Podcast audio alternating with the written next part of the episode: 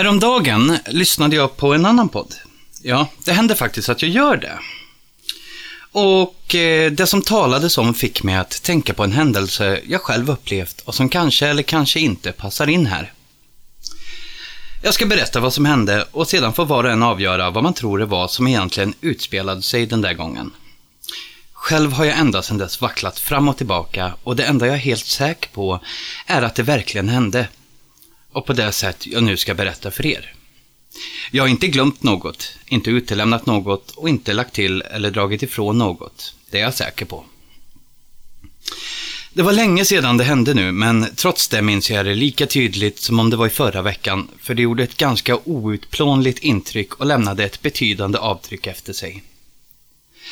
Vi som var med den gången pratar fortfarande om det då och då anklaga varandra, bedyra vår oskuld och förklara för varandra hur otroligt udda händelsen var. Några minns det med rädsla och obehag, andra med förakt och så ytterligare några som en mystisk händelse som fortfarande inte fått sin förklaring.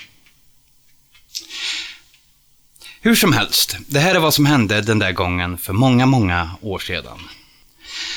Jag var väl ungefär 17 vill jag minnas och eftersom det var på sommaren skulle jag snart fylla 18. På den tiden var vi ett ganska stort gäng som höll ihop. Vi kom alla från olika omständigheter och delar av stan vi bodde i, men hade på olika sätt kopplingar till varandra ändå. Några var vänner eller syskon eller kusiner, andra kände man från skolan eller bodde granne med och så vidare. En ganska brokig skara helt enkelt. Men vi höll ihop och vi hade fantastiskt mycket roligt tillsammans. Just den här gången hade vi bestämt oss för att ha fest. En sommarfest skulle det vara, för den sommaren var vädret vackert och det var väldigt varmt.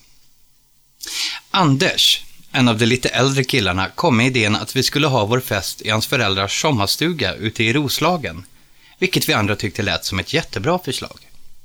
Speciellt sedan han förklarat att det fanns en sjö att bada i och bara urskogen som granne. Då kunde vi väsnas bäst vi ville utan att behöva störa någon. Så Anders frågade sina föräldrar och fick faktiskt tillstånd till att låna stugan. Inte för att vi var stökiga eller besvärliga på något sätt, men vi var som sagt många och ryktet råkades också spridas, vilket gjorde att vänners vänner anslöt sig. Och till slut var vi nästan hundra pers som skulle dit. Stugan låg väldigt avskilt och man måste ha bil för att ta sig dit, vilket inte alla hade. Och det fanns naturligtvis inte heller plats för alla att bli kvar i stugan över natten, vilket gjorde att folk samåkte. Och just den planeringen var ganska kaosartad eftersom alla inte kunde sova kvar. De flesta skulle bli tvungna att åka hem när festen var slut. Efter många om och men fick vi i alla fall ihop något slags körschema. Alla visste vem du skulle åka med, vem som skulle hålla sig körklar när vi skulle åka och allt det där. Jag och en tjej till hade tidigt gett upp slaget om att sova i stugan och bestämde oss för att sova i tält, vilket vi faktiskt såg fram emot. Det skulle bli riktigt kul tyckte vi. När dagen för festen slutligen kom tyckte vi att vi fått till det riktigt bra och var förväntansfulla som man bara är inför en fest när man är i de åldrarna. Och vi lämnade stan bakom oss. Det var en lång rad bilar som körde ut på landsvägen i karavan efter Anders som var den enda som visste vart vi skulle. Folk hade frågat efter vägbeskrivning, men Anders som ville att alla skulle komma samtidigt hade vägrat att lämna någon. Och faktiskt så här efteråt tyckte jag att det var rätt. Det var roligt att vara sådär många i sällskap, men om fler människor hittat hit själv hade festen kanske blivit okontrollerat stor och då hade det kunnat gå oss ur händerna. Nu gjorde det tack och lov inte det. Åtminstone inte själva festen. Det tog ungefär en timme att ta sig dit, allt som allt. Det var nog inte så många mil egentligen, men alla vet ju hur det är. Killarna måste stå på rad en halv meter in i skogen för en kollektiv pisspaus. Någon upptäcker att man trots allt måste tanka och väl på macken måste tjejerna stå i toakö eftersom det är lika bra att passa på. Och då upptäcks det att, åh, mjukglass, gott! Så en timme allt som allt. Jag ska inte orda så mycket om själva festen, alla vet hur det är också. Flaskklirr, ölburkar, hög musik, några badar nakna fram på småtimmarna och någon annan spyr i en buske. Men alla hade vi roligt och var glada. Ingen spårade ur och så småningom blev folk trötta. Sällskap ropade adjö och bilar försvann allt eftersom. Det som skulle åka hem lämnade stugan. Någon gick med trötta steg omkring med en plastsäck och samlade ihop plastmuggar och annat skräp. Någon annan orkade inte mer musik och stängde av den och jag och min vän fumlade omkring med tältduk och tältpinnar och försökte fnissande få upp tältet så att vi kunde få sova. Efter ett tag lyckades vi faktiskt. Vi var ganska förvånade själva över den saken och fnissade åt det också. Vi var nog ganska jobbiga är jag rädd. Inte så fulla, men trötta och glada. Vi hade haft så roligt.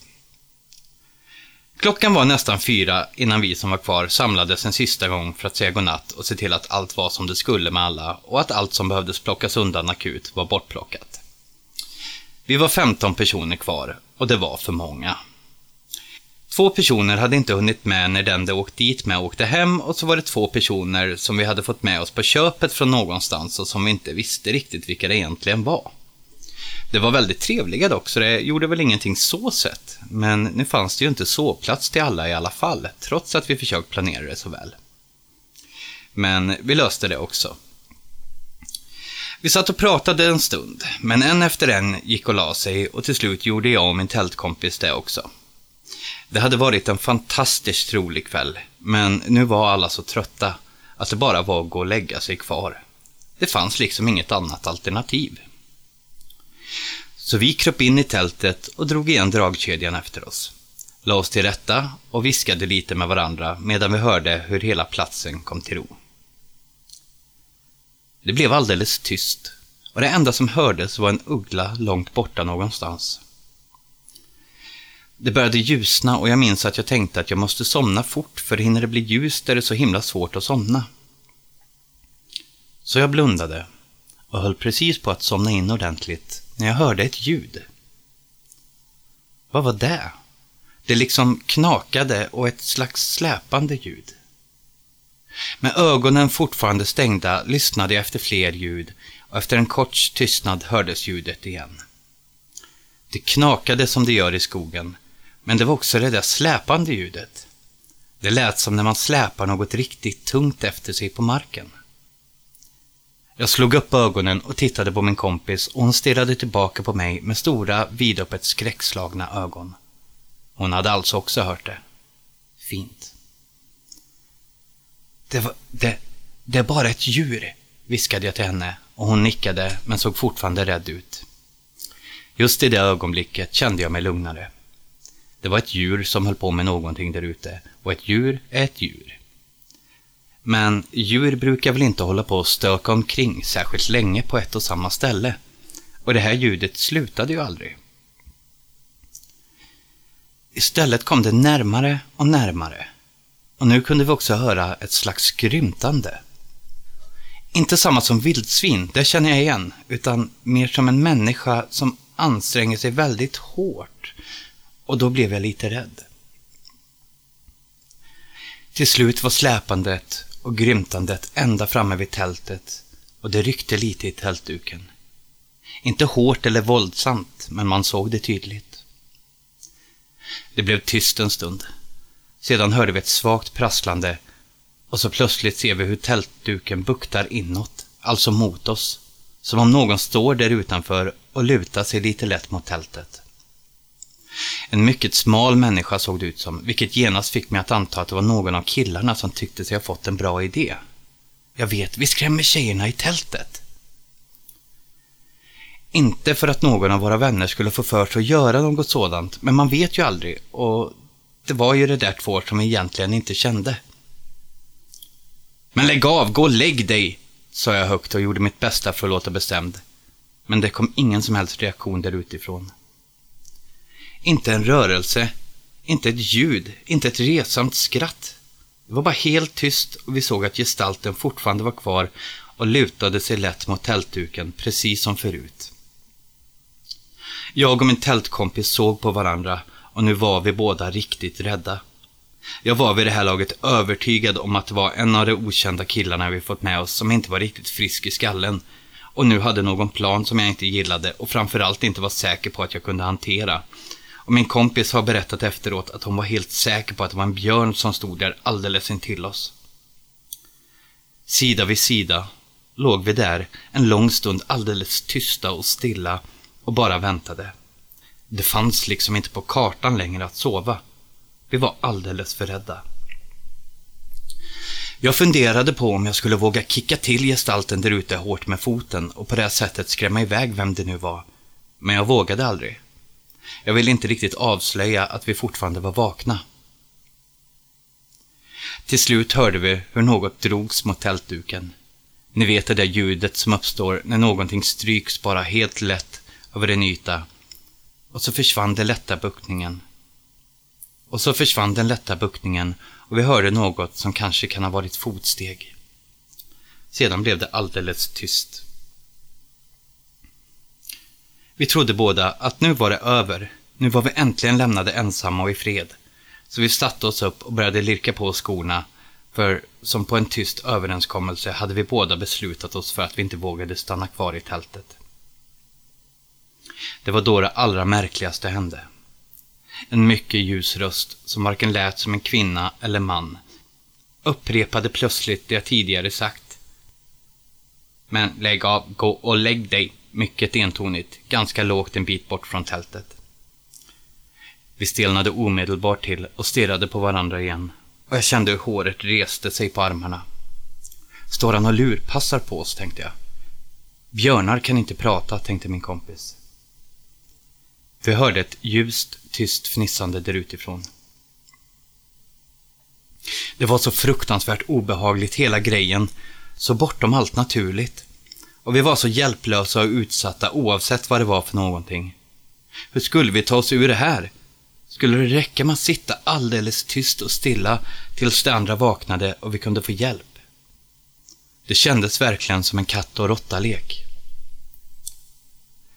Plötsligt hörde vi en dörr slå igen och springande fotsteg. Vi hörde Anders skrika till och sedan var det någon som snabbt och hårt ryckte upp öppningen till tältet och Anders och en kille till tittade in.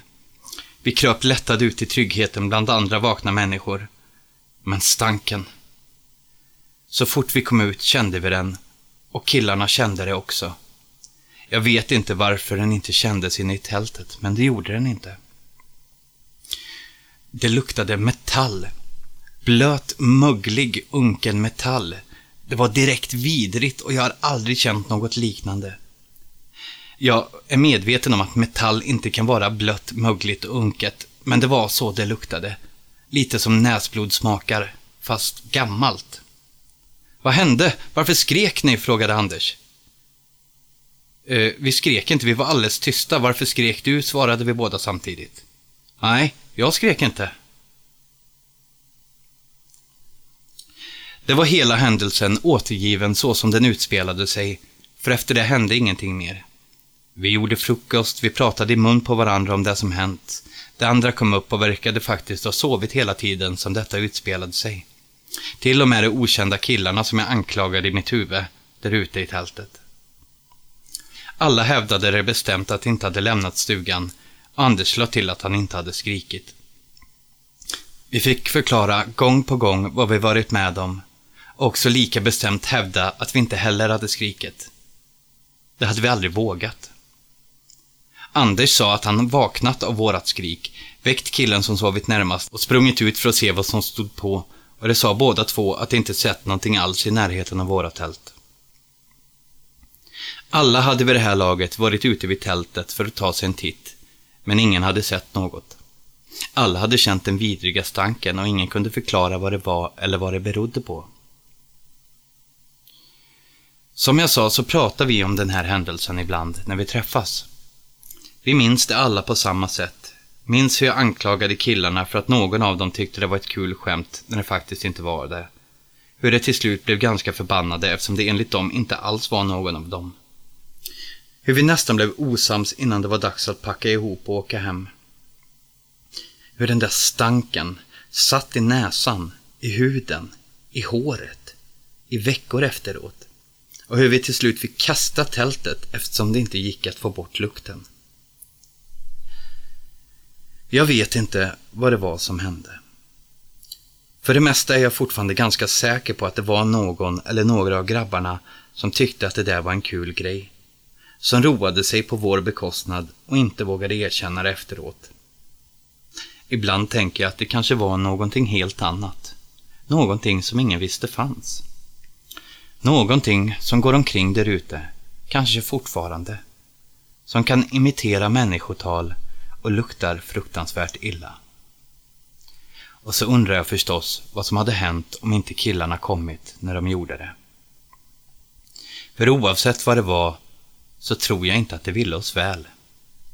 Och jag undrar så över det där med skriket som båda vi i tältet och Anders hörde och tyckte lät som någon annans röst.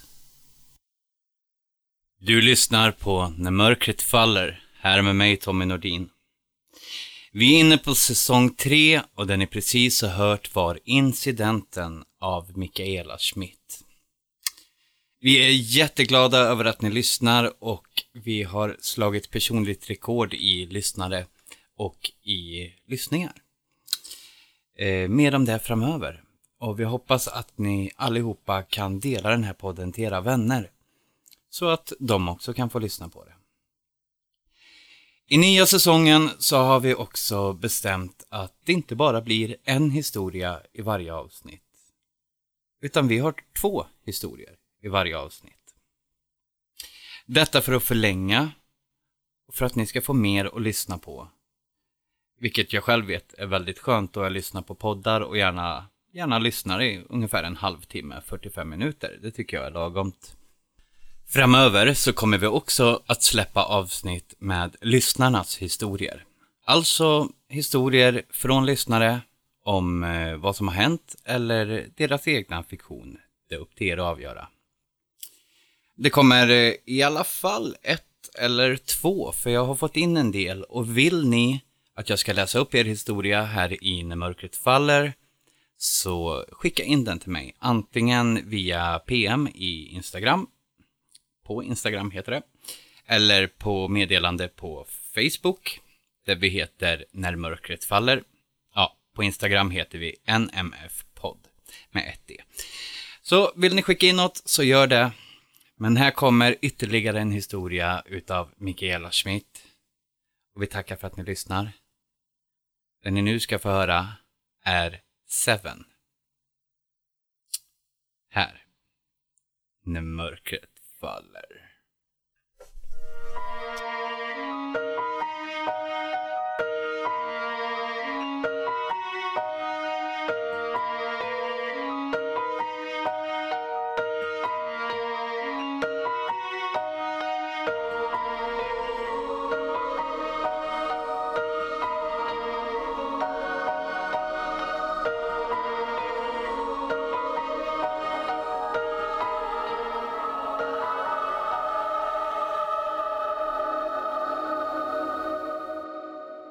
Kalle kom ut från ICA-butiken med en kasse i ena handen och en glass i den andra.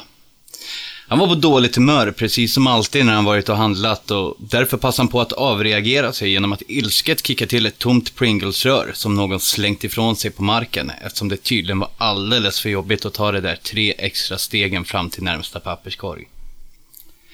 Röret rullade ljudligt iväg ut på parkeringen, stannade halvvägs in under en gammal risig masta och blev liggande där med folielocket slött fladdrande för vinden. Kalle suckade och gick för att plocka upp röret och kasta det i papperskorgen. Om man lät det ligga kvar där det låg så var han ju inte bättre än den eller de som kastat det från första början, det insåg han. Han var redan på dåligt humör och nu blev det inte bättre av att han själv ställt till med att han fick gå de där extra meterna som krävdes för att placera skräpet där det hörde hemma. Kalle var inte den som gillade att anstränga sig i onödan, eller ens röra på sig överhuvudtaget. Han gillade godis och snabbmat och datorstolen. Följaktligen var han stor och omfångsrik och hade sedan många år slutat att bry sig om att ens försöka skärpa sig. Han orkade inte bry sig helt enkelt och det var anledningen till att han alltid blev på dåligt humör när han handlade. Han köpte det han tyckte om och kände ofta folks dömande blickar i ryggen när han plockade med sig kakor, chips, pommes och beasås iklädd sin obligatoriska uniform. En urtvättad, formlös mörkblå tröja och aningen för korta grå mjukisbrallor som frikostigt och obarmhärtigt gjorde vad de kunde för att understryka valkarna. Alltid samma kläder, alltid samma dömande blickar som alltid resulterade i samma dåliga humör. Med viss ansträngning böjde han sig ner och plockade upp Pringles-röret och kände hur det högg till i ryggen när han rätade på sig igen. Och med röret i handen långsamt vaggade han bort mot den närmsta soptunnan. Orka folk, tänkte han. Varför kunde de inte bara låta honom och hans fläsk vara i fred? Inte konstigt att jag hellre hänger på nätet, avslutade han sin tankegång i samma ögonblick som han ilsket och med kraft trämde ner det förbaskade röret i papperskorgen och vände på klacken för att gå hem. Hem till datorn, tvn och den lilla etta han bott i de senaste tio åren. Och det var då han fick syn på den. I skuggan och halvt dold under en buske låg en nyckelknippa som någon uppenbarligen tappat eller glömt kvar. Kalle såg sig omkring, sökte med blicken efter någon som den kunde tänkas tillhöra, men såg ingen alls överhuvudtaget. Där kan den ju inte ligga, tänkte han för sig själv. Någon måste ju sakna den. Han funderade en stund på att lämna in den i kassan på ICA, men blev irriterad bara av att tänka på den trådsmala, supersnygga kassörskan och hennes supertrevliga leende. Så istället fiskade han upp nyckelknippan och stoppade den i fickan. Han tänkte att han skulle ta med den hem och göra ett inlägg om att han hittat den i den lokala Facebookgruppen. Staden var inte stor, även om den inte var så liten heller. Om ägaren inte såg hans inlägg så gjorde säkert någon som kände ägaren det, eller någon som kände någon som kände någon. Nyckelknippan skulle ha hittat hem innan kvällen var slut. Så en stund senare, när han satt sig till rätta framför datorn och funderat över formuleringen ett ögonblick, valde han det enklaste möjliga alternativet. Kalle, lokala Facebookgruppen. Nyckelknippa upphittad på parkeringen vid ICA återfås mot beskrivning. Kalle sträckte sig efter kolaflaskan och drack ur hälften i ett svep. Han kände att nu hade han gjort sitt. Nu skulle han spela ett tag och sen fick han gå tillbaka till inlägget och se om någon hört av sig om nyckelknippan. Två timmar senare tittade han till inlägget och höjde förvånat på ena ögonbrynet när han såg att det fått fler kommentarer. Kalle, lokala Facebookgruppen.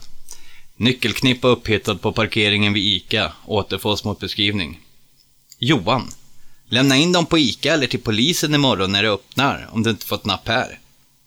Fredrik. Är det en bilnyckel? För då är det nog min. Seven. Det är inte en bilnyckel. Fredrik. Hur fan vet du det? Celia. Det är min säkert. Tappade bort dem tidigare idag. Seven. Inte dina. Fredrik. Käften Seven. Seven. Mina nycklar. Två stora, fyra små och en gammal. Kalle kastade en blick på nyckelknippan och konstaterade att det stämde. Där fanns två stora vanliga nycklar, fyra mycket mindre som såg ut att kunna höra till hänglås eller andra mindre lås och så en riktigt gammal, lite rostig gråmålad nyckel som var längre än de två stora vanliga. Nyckelknippan hade tydligen hittat sin ägare. Att ägaren var så tvärsäker på att det var just hans nycklar var lite konstigt egentligen, men Kalle bestämde sig för att ignorera den lilla detaljen. Istället skrev han snabbt ett svar i tråden. Kalle. Stämmer Seven. Kontakta mig privat så får du tillbaka dem. Men ingen hörde av sig. Det gick ett par dagar och Kalle visste inte riktigt hur han skulle göra nu. Han hade försökt hitta användaren. Han hade klickat på Seven i tråden men då hade kommentarerna försvunnit och det gick inte att hitta någon Seven via sökfunktionen heller. Kontot verkade vara borttaget. Hur skulle han då kunna lämna tillbaka nycklarna? Kalle började tycka att alltihop kändes konstigt. Lite obehagligt. Ägaren visste ju att han hade nycklarna. Varför ville han inte ha dem tillbaka? Och Seven, vad var det för, egentligen för namn? På Facebook brukar man ju ha sitt för och efternamn, inte bara ett enda. Och vem heter egentligen Seven? Och varför var Sevens konto borta? Han fattade ingenting och hade ingen aning om hur han skulle göra nu. Det kändes ju konstigt att gå till polisen med dem nu när det gått ett par dagar och det kändes också konstigt att göra det när han visste vems det var och ändå inte kunde lämna tillbaka dem själv. Skulle det låta i andras öron när han förklarade hela grejen med Seven? Kalle sneglade mot nyckelknippan och tyckte att den stirrade uppfordrande på honom, men insåg att han inbillade sig. Ändå kunde han inte låta bli att lägga en tom pizzakartong som han glömt att bära ut till soporna över dem, så att han skulle slippa se dem. Han tittade hellre på en flottig gammal kartong. Mycket hellre. På torsdagen kom Erik förbi en sväng efter jobbet. Kalle och Erik hade känt varandra i, ja, vad var det nu? Sju år kom det fram till, efter att ha räknat efter. Sju år. Det var ganska länge ändå tyckte de båda två. De hade hunnit ha mycket roligt under de åren, men också stöttat varandra genom svårare tider. Som Eriks skilsmässa och när Kalles pappa dog i en olycka. De kunde prata med varandra om allt och gjorde det också. De kunde till och med prata om att det var lite ovanligt att det som män faktiskt kunde prata om allt på samma sätt som tjejer gör. Män kan inte alltid det. Men det kunde. Men just den här torsdagskvällen var det ingenting särskilt på tapeten. De pratade bara, ja, om egentligen ingenting alls. Kalle hämtade varsin öl i kylen och Erik slängde sig ganska vårdslöst ner i soffan och puttade samtidigt ner pizzakartongen på golvet. Du behöver städa, retades han. Gammal pizza, usch. Kalle la tillbaka kartongen ovanpå nycklarna igen och sedan berättade han hela historien för Erik. Äh, han hör säkert av sig snart, sa Erik. Klart han vill ha tillbaka dem. Men hur ska han göra det när hans konto är borta, sa Kalle. Men han har ju ditt namn, svarade Erik lugnt. Kalle hade inte ens tänkt på det förrän nu. Det fanns en konstig människa där ute någonstans som hade hans namn, som kunde hitta honom och visste att hans nycklar fanns åt honom. Kalle kände obehaget växa lite till. Det var någonting som var fel här. Men Erik hade redan släppt det, hans tankar hade vandrat vidare till nästa ämne. Förresten, återtog han, vi har en nykomling i stan. Någon verkar ha köpt Sjusjögården. Kalle visste precis vilket hus han menade. Det låg alldeles invid sjön. Ett lågt, långt hus i mörkbrunt trä, nästan som en stor timmerstuga, med små fönster runt om och svart tak. Men det har ju stått tomt i åratal, sa han nu till Erik. Inte nu längre, sa Erik och nickade bestämt en gång. Jag har sett att det lyser där och någon håller på att renovera, för ibland står det byggmaterial utanför och ibland inte, och gräsmattan är klippt. Ja, som fan. Trodde man aldrig, svarade Kalle. Nej, det ligger ju fint och så, men det har ju varit tomt där sedan gamle kapten dog och det inte fanns några arvingar. Den som har det nu måste väl ha köpt av kommunen eller någonting. Eller, jag vet inte hur det funkar när hus blir ägarlösa sådär. Nej, inte jag heller, så Kalle. Skitsamma, hoppas att de målar om det. Jag gillar inte hur det där huset ligger som en enorm tusenfoting där vid stranden. Precis som en tusenfoting, fast med ögon istället för ben. Nej, nej fy fan, jag har aldrig gillat det. Jävla badkruka, det är vad du är, flinade Erik och Kalle log tillbaka. Ja, det är också för den delen. Jag gillar inte huset heller. Mer blev inte sagt om den saken den kvällen. Lördagsmorgon ringde telefonen tidigt. Så tidigt att Kalle faktiskt inte ens var vaken, utan han väcktes av telefonsignalen och var därför ganska dimmig i skallen och rösten lät som om han hade supit bort de senaste tio åren. Förvirringen i mellanrummet mellan dröm och vaken var total, men han lyckades ändå svara med ett kraxande hest ”Hallå?” Det var Erik. Erik pratade på fort och klarvaken, men allt Kalle hörde var obegripligt. Äh, vänta, vänta, stönade han och strök sig över pannan i en trött gest. Uh, prata fort så jag inte hinner somna om, uh, men sakta så jag förstår vad du säger. Han hörde Eriks irriterade suck och trasslade sig ur sängkläderna och lunkade ut i köket för att sätta på kaffe. Utan kaffe skulle han aldrig fatta.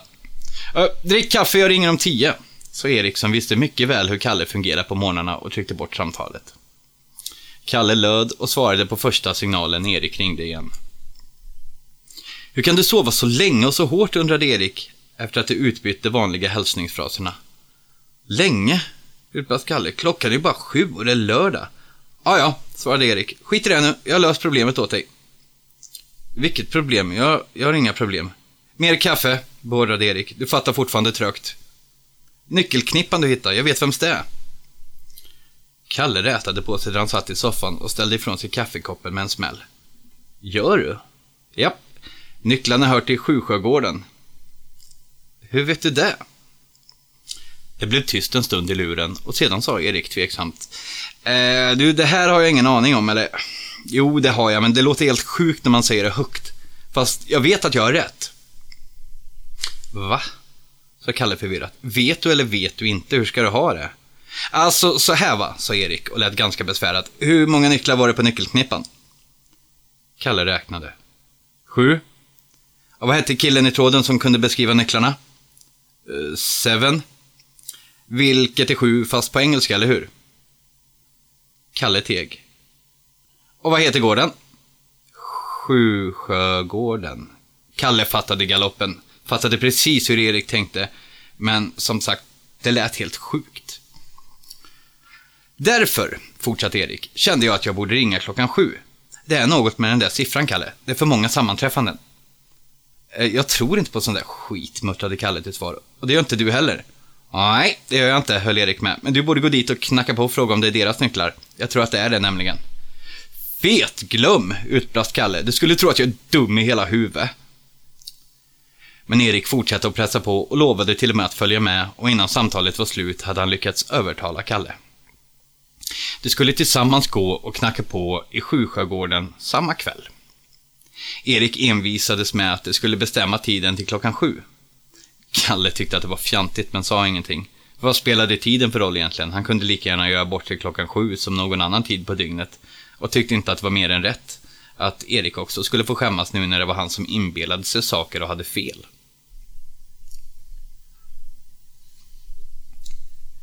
Det här är så jävla fjantigt, sa Kalle Butter när några timmar senare var på väg till Sjusjögården.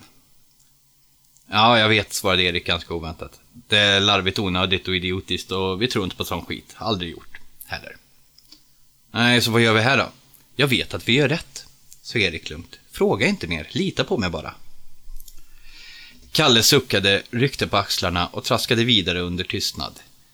Erik verkade ha bestämt sig av någon anledning och Kalle hade börjat känna ett litet hopp eftersom Erik var så tvärsäker. Det kunde faktiskt vara skönt att bli av med den där nyckelknippan om nu Erik hade rätt. Han hade inget bättre alternativ till vad han skulle göra med den och det var nästan en vecka sedan han hittade den.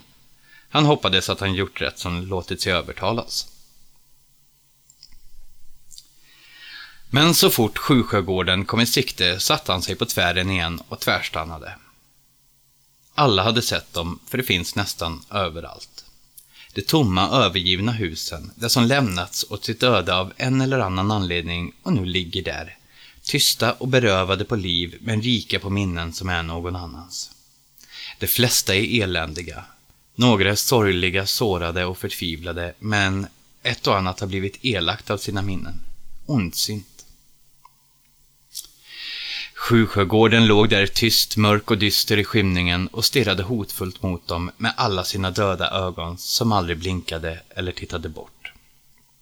Fönster, påminns sig Kalle. Det är bara fönster. Men han förblev stående, oförmögen att ta ett enda steg till. Kom nu, sa Erik otåligt. Nu går vi. Jag vill inte, sa Kalle, men började ändå motvilligt röra sig framåt. Kanske var det inbildning. Åtminstone trodde Kalle det. Men luften hade på något sätt förändrats. Den var tyngre, tjockare, tätare liksom och det fick det att kännas som att röra sig i tjock och klibbig vätska. Kanske sirap, fast inte lika sött. Det blev svårare och segare att röra sig ju närmare det kom Sjusjögården. Erik verkade inte ha problem med det, men Kalle var helt slut när det äntligen klev in genom grinden, stängde den bakom sig och såg sig omkring. Gräset var vildvuxet och högt, vilket fick Kalle att vända sig till Erik och av någon anledning viskande fråga Sa du inte att de nya ägarna brukade klippa gräset här? Jo, viskade Erik tillbaka. Jag kunde svurit på att det var kortklippt i morse. Kalle klev genom det ovårdade gräset och den tjocka luften fram till ytterdörren och Erik följde efter i hans fotspår. Sjusjögården såg lika öde ut som den alltid hade gjort, bortsett från en enda liten detalj. Det lös i ett av fönstren. Kalle satte fingret på dörrklockan och tryckte till. Hade det tagit sig hit tänkte han banne mig inte gå härifrån utan att först ha blivit av med den fördömda nyckelknippan. Men dörrklockan fungerade inte. Det kan den inte ha gjort för inte ett ljud hördes när han tryckte på den och det brukade det ju göra. För ett ögonblick tyckte han sig höra steg där innanför men han inbillade sig nog för det var bara tre, fyra steg och sedan blev det tyst igen. Det måste ha varit något annat som lät, tänkte han medan han vände sig om för att gå därifrån. I samma ögonblick sträckte Erik ut handen och knackade hårt på dörren samtidigt som han ropade ”Hallå!” för full hals. Kalle suckade och vände sig mot dörren igen, men den förblev stängd och tystnaden välde mot dem inifrån husets mage. Ännu en gång vände sig Kalle om för att gå därifrån. Prova om någon av nycklarna passar, sa Erik och Kalle han uppfatta en elak glimt i hans ögon. Jag måste ha sett fel, tänkte han genast. Jag gillar Erik. Han är trevlig och en bra kompis. Han är inte elak. Han är inte sån. Prova, upprepade Erik. Kalle bara skakade på huvudet. Vad tog det åt Erik egentligen? Utan förvarning tog plötsligt Erik tag i dörrhandtaget och tryckte ner det. Och till Kalles förvåning gled dörren genast upp och blottade Sjusjögårdens mörka innandöme.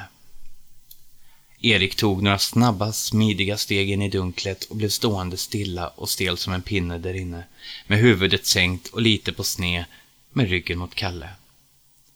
Han var alldeles tyst. Kalle hade för ögonblicket tappat fattningen och såg till en början ingenting han heller. Men allt eftersom sekunderna tickade iväg växte obehaget. Vad är det för fel på honom, tänkte han. Varför gick han bara rätt in när de inte ens kände de här människorna?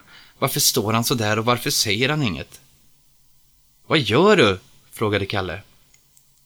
Erik stod kvar på exakt samma sätt en liten, liten stund för länge. Sedan sträckte han ut armen och pekade på dörren, fortfarande med ryggen mot Kalle. Rova, sa han med ett tonfall och en röst som Kalle nästan inte kände igen. Nej, svarade Kalle, aldrig i livet. Sekunderna tickade långsamt förbi medan Erik bara stod där med armen utsträckt och handen pekande mot dörren. Kalle fick plötsligt en sprängande huvudvärk. Det kom så plötsligt att han svajade till där han stod och han var tvungen att ta ett litet sidosteg för att hålla balansen. Det fick honom att börja må illa också. Plötsligt och utan förvarning fick han nog av hela den bisarra situationen och innan han ens hunnit tänka över saken tog han ett rejält kliv framåt och grep tag i Eriks arm. Kom nu, vi går, sa han och drog lätt i sin vän. Erik rubbade sig inte ur fläcken. Det var som att försöka dra i ett träd. Kalle försökte igen och tog i mer. Kom nu! upprepade han. Erik vände snabbt på huvudet och stirrade tigande på honom. Något är fel på honom, han Kalle tänka, innan Erik öppnade munnen så stort han bara kunde och utan att ändra en min eller ens röra på läpparna vrålade Prova! Kalle hoppade högt och blev nu till sist riktigt, riktigt rädd. Han kände hur han blev svag i knäna och hur hjärtat började slå fort. Huvudvärken blev ännu värre och han ville bara hem. Det enklaste vore kanske att bara prova nyckeln. Det kanske skulle få det här, vad det nu var, som pågick, att äntligen sluta. Men någonting inom honom sa åt honom att låta bli. Att det inte var rätt. Det susade och brusade i huvudet. Illamåendet kom och gick i vidriga hulkande vågor och han kände att han måste därifrån. Nu. Men han kunde inte lämna Erik där, han kunde bara inte det. Erik betedde sig väldigt, väldigt konstigt just nu och han visste inte varför. Han visste bara att de båda måste bort därifrån så fort som möjligt innan, ja, innan saker och ting blev ännu värre, avslutade han tankegången. Kalle gjorde en sista kraftansträngning, försökte att inte tänka på huvudvärken, illamåendet och oljudet inuti huvudet och tog ett stadigt tag i Eriks arm. För guds skull, kom nu Erik, röt han och drog till allt vad han kunde. För en sekund hände ingenting. Erik var lika stel och orubblig som en vägg där han stod. Men så plötsligt var det som att något släppte sitt grepp om honom och han kom farande mot Kalle som en lelös trastocka. De tumlade bakåt och ramlade ut i gräset som om huset spottat ut dem. Dörren for igen så hårt att smällen lät som en åskknall. Eller kanske hade det faktiskt börjat åska. Kalle låg alldeles tyst och stilla på rygg i gräset med en lika tyst och stilla Erik bredvid sig. Han försökte känna efter om han levde eller om han kanske möjligtvis slagit ihjäl sig i fallet eller dött av huvudvärk. Det skulle nog bli ett och annat blåmärke, men han hade åtminstone inte ont i huvudet längre, tänkte han och satte sig upp. Det prasslade till bredvid honom när Erik också satte sig upp och förvirrat frågade Vad hände? Kalle stirrade på honom. Minns du inte? frågade han häpet. Ja, jo, jag minns att vi gick in genom grinden, men efter det... Erik tvekade, tänkte efter och försökte få någon ordning på luddiga, sekundsnabba minnesbilder. Dörren, eh, ringklockan, hur han, hur han står i hallen och hur det känns som att någon tynger ner hans axlar. Och så en minnesbild av ett underligt format träd. Han berättade om de där korta glimtarna av minnet för Kalle. Mer än så minns jag inte, avslutade han och lät lika förvirrad som Kalle kände sig. Kalle berättade vad som hänt, om hur han fått slita med sig honom, hur konstigt han betett sig och hur huset till slut spottat ut honom på gräsmattan som en snorlobba. De satt båda tysta en stund och försökte få ordning på tankarna. Vad fan var det som hänt här egentligen? Vad är klockan? frågade Kalle och lirkade upp mobilen ur fickan för att ta reda på det. Den hade stängt av sig i fickan och gick inte att starta. Förmodligen var det väl batteriet som tagit slut. Erik fumlade efter sin. Den var också svart, men den gick åtminstone att starta upp tillräckligt länge för att hinna se vad klockan var innan den dog på nytt. Och Erik flämtade till. Klockan är sju, sa han. Hur kan den vara sju? Har det gått tolv timmar? frågade Kalle. Jag vet inte, svarade Erik olyckligt. Antingen har det gått tolv timmar eller ingen tid alls. De stirrade på varandra igen. Försökte få någon ordning på händelserna, tankarna och varandra.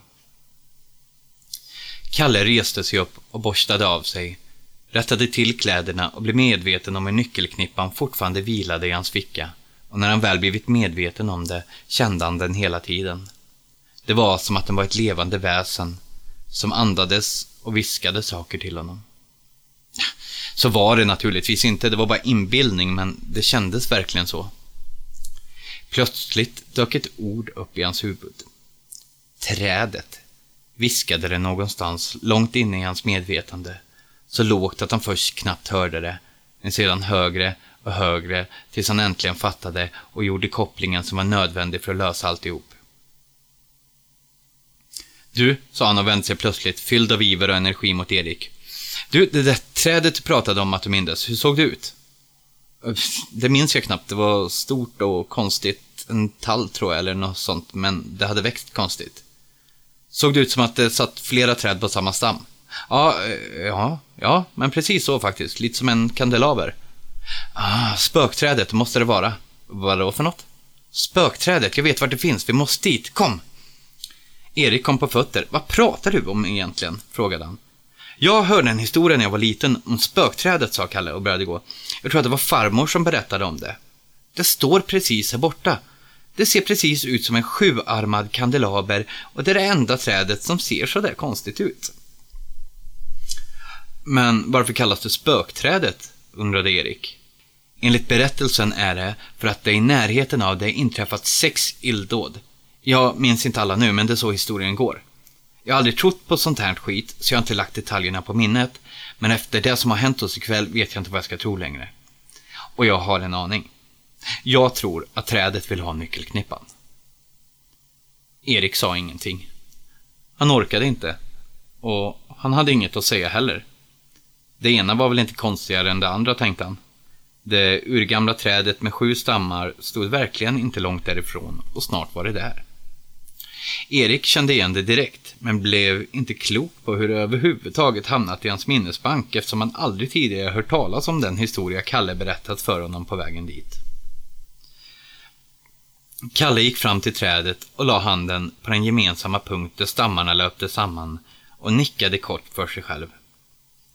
Sedan sparkade han upp en grund grop i mossan vid trädets fot, släppte ner nyckelringen där och täckte över den med vad som låg på marken runt omkring. Så, sa han och blev stående och tittade på trädet under tystnad en lång stund. Kom, sa Erik till slut och la handen på hans axel. Nu går vi hem. Och det gjorde de. Inte förrän klockan två följande dag vaknade de i varsitt hörn av Kalles soffa, där det tydligen stupat så fort de kom innanför dörren. De vaknade exakt samtidigt och satte sig upp en aning förvirrade, för ingen av dem hade något minne av vad som egentligen hänt kvällen innan, eller varför de vaknade fullt påklädda i Kalles soffa. De mindes att de varit på väg till Sjusjögården. Det var allt. Plötsligt knackade det hårt på dörren.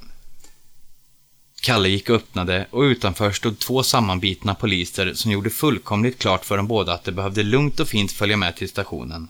Vilket de gjorde utan att ha en aning om vad det var frågan om eller vad som väntade dem.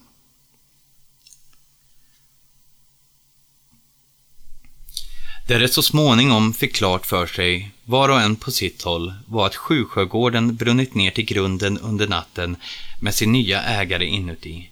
Att branden varit anlagd och att någon sett Kalle och Erik på platsen.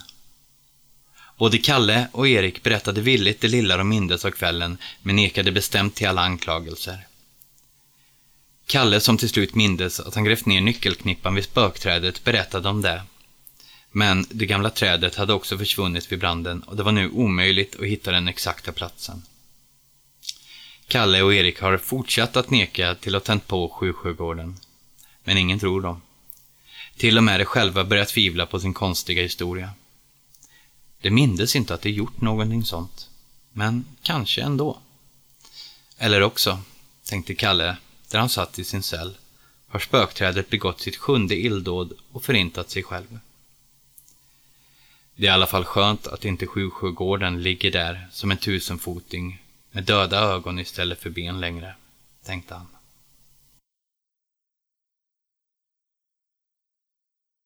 Det ni hört var Seven av Mikaela Schmidt. En riktigt bra historia måste jag själv säga. Det är en av de bättre hon har skrivit, även om jag tycker att de flesta är jättebra. En av mina topp fem från Mikaela helt enkelt. Och jag hoppas att ni också har njutit av den och gillat den. Nu börjar solen gå ner. Och jag hoppas att vi hörs igen om två veckor. Tills dess, ta hand om er. Och håll er inomhus. Nu, när mörkret faller.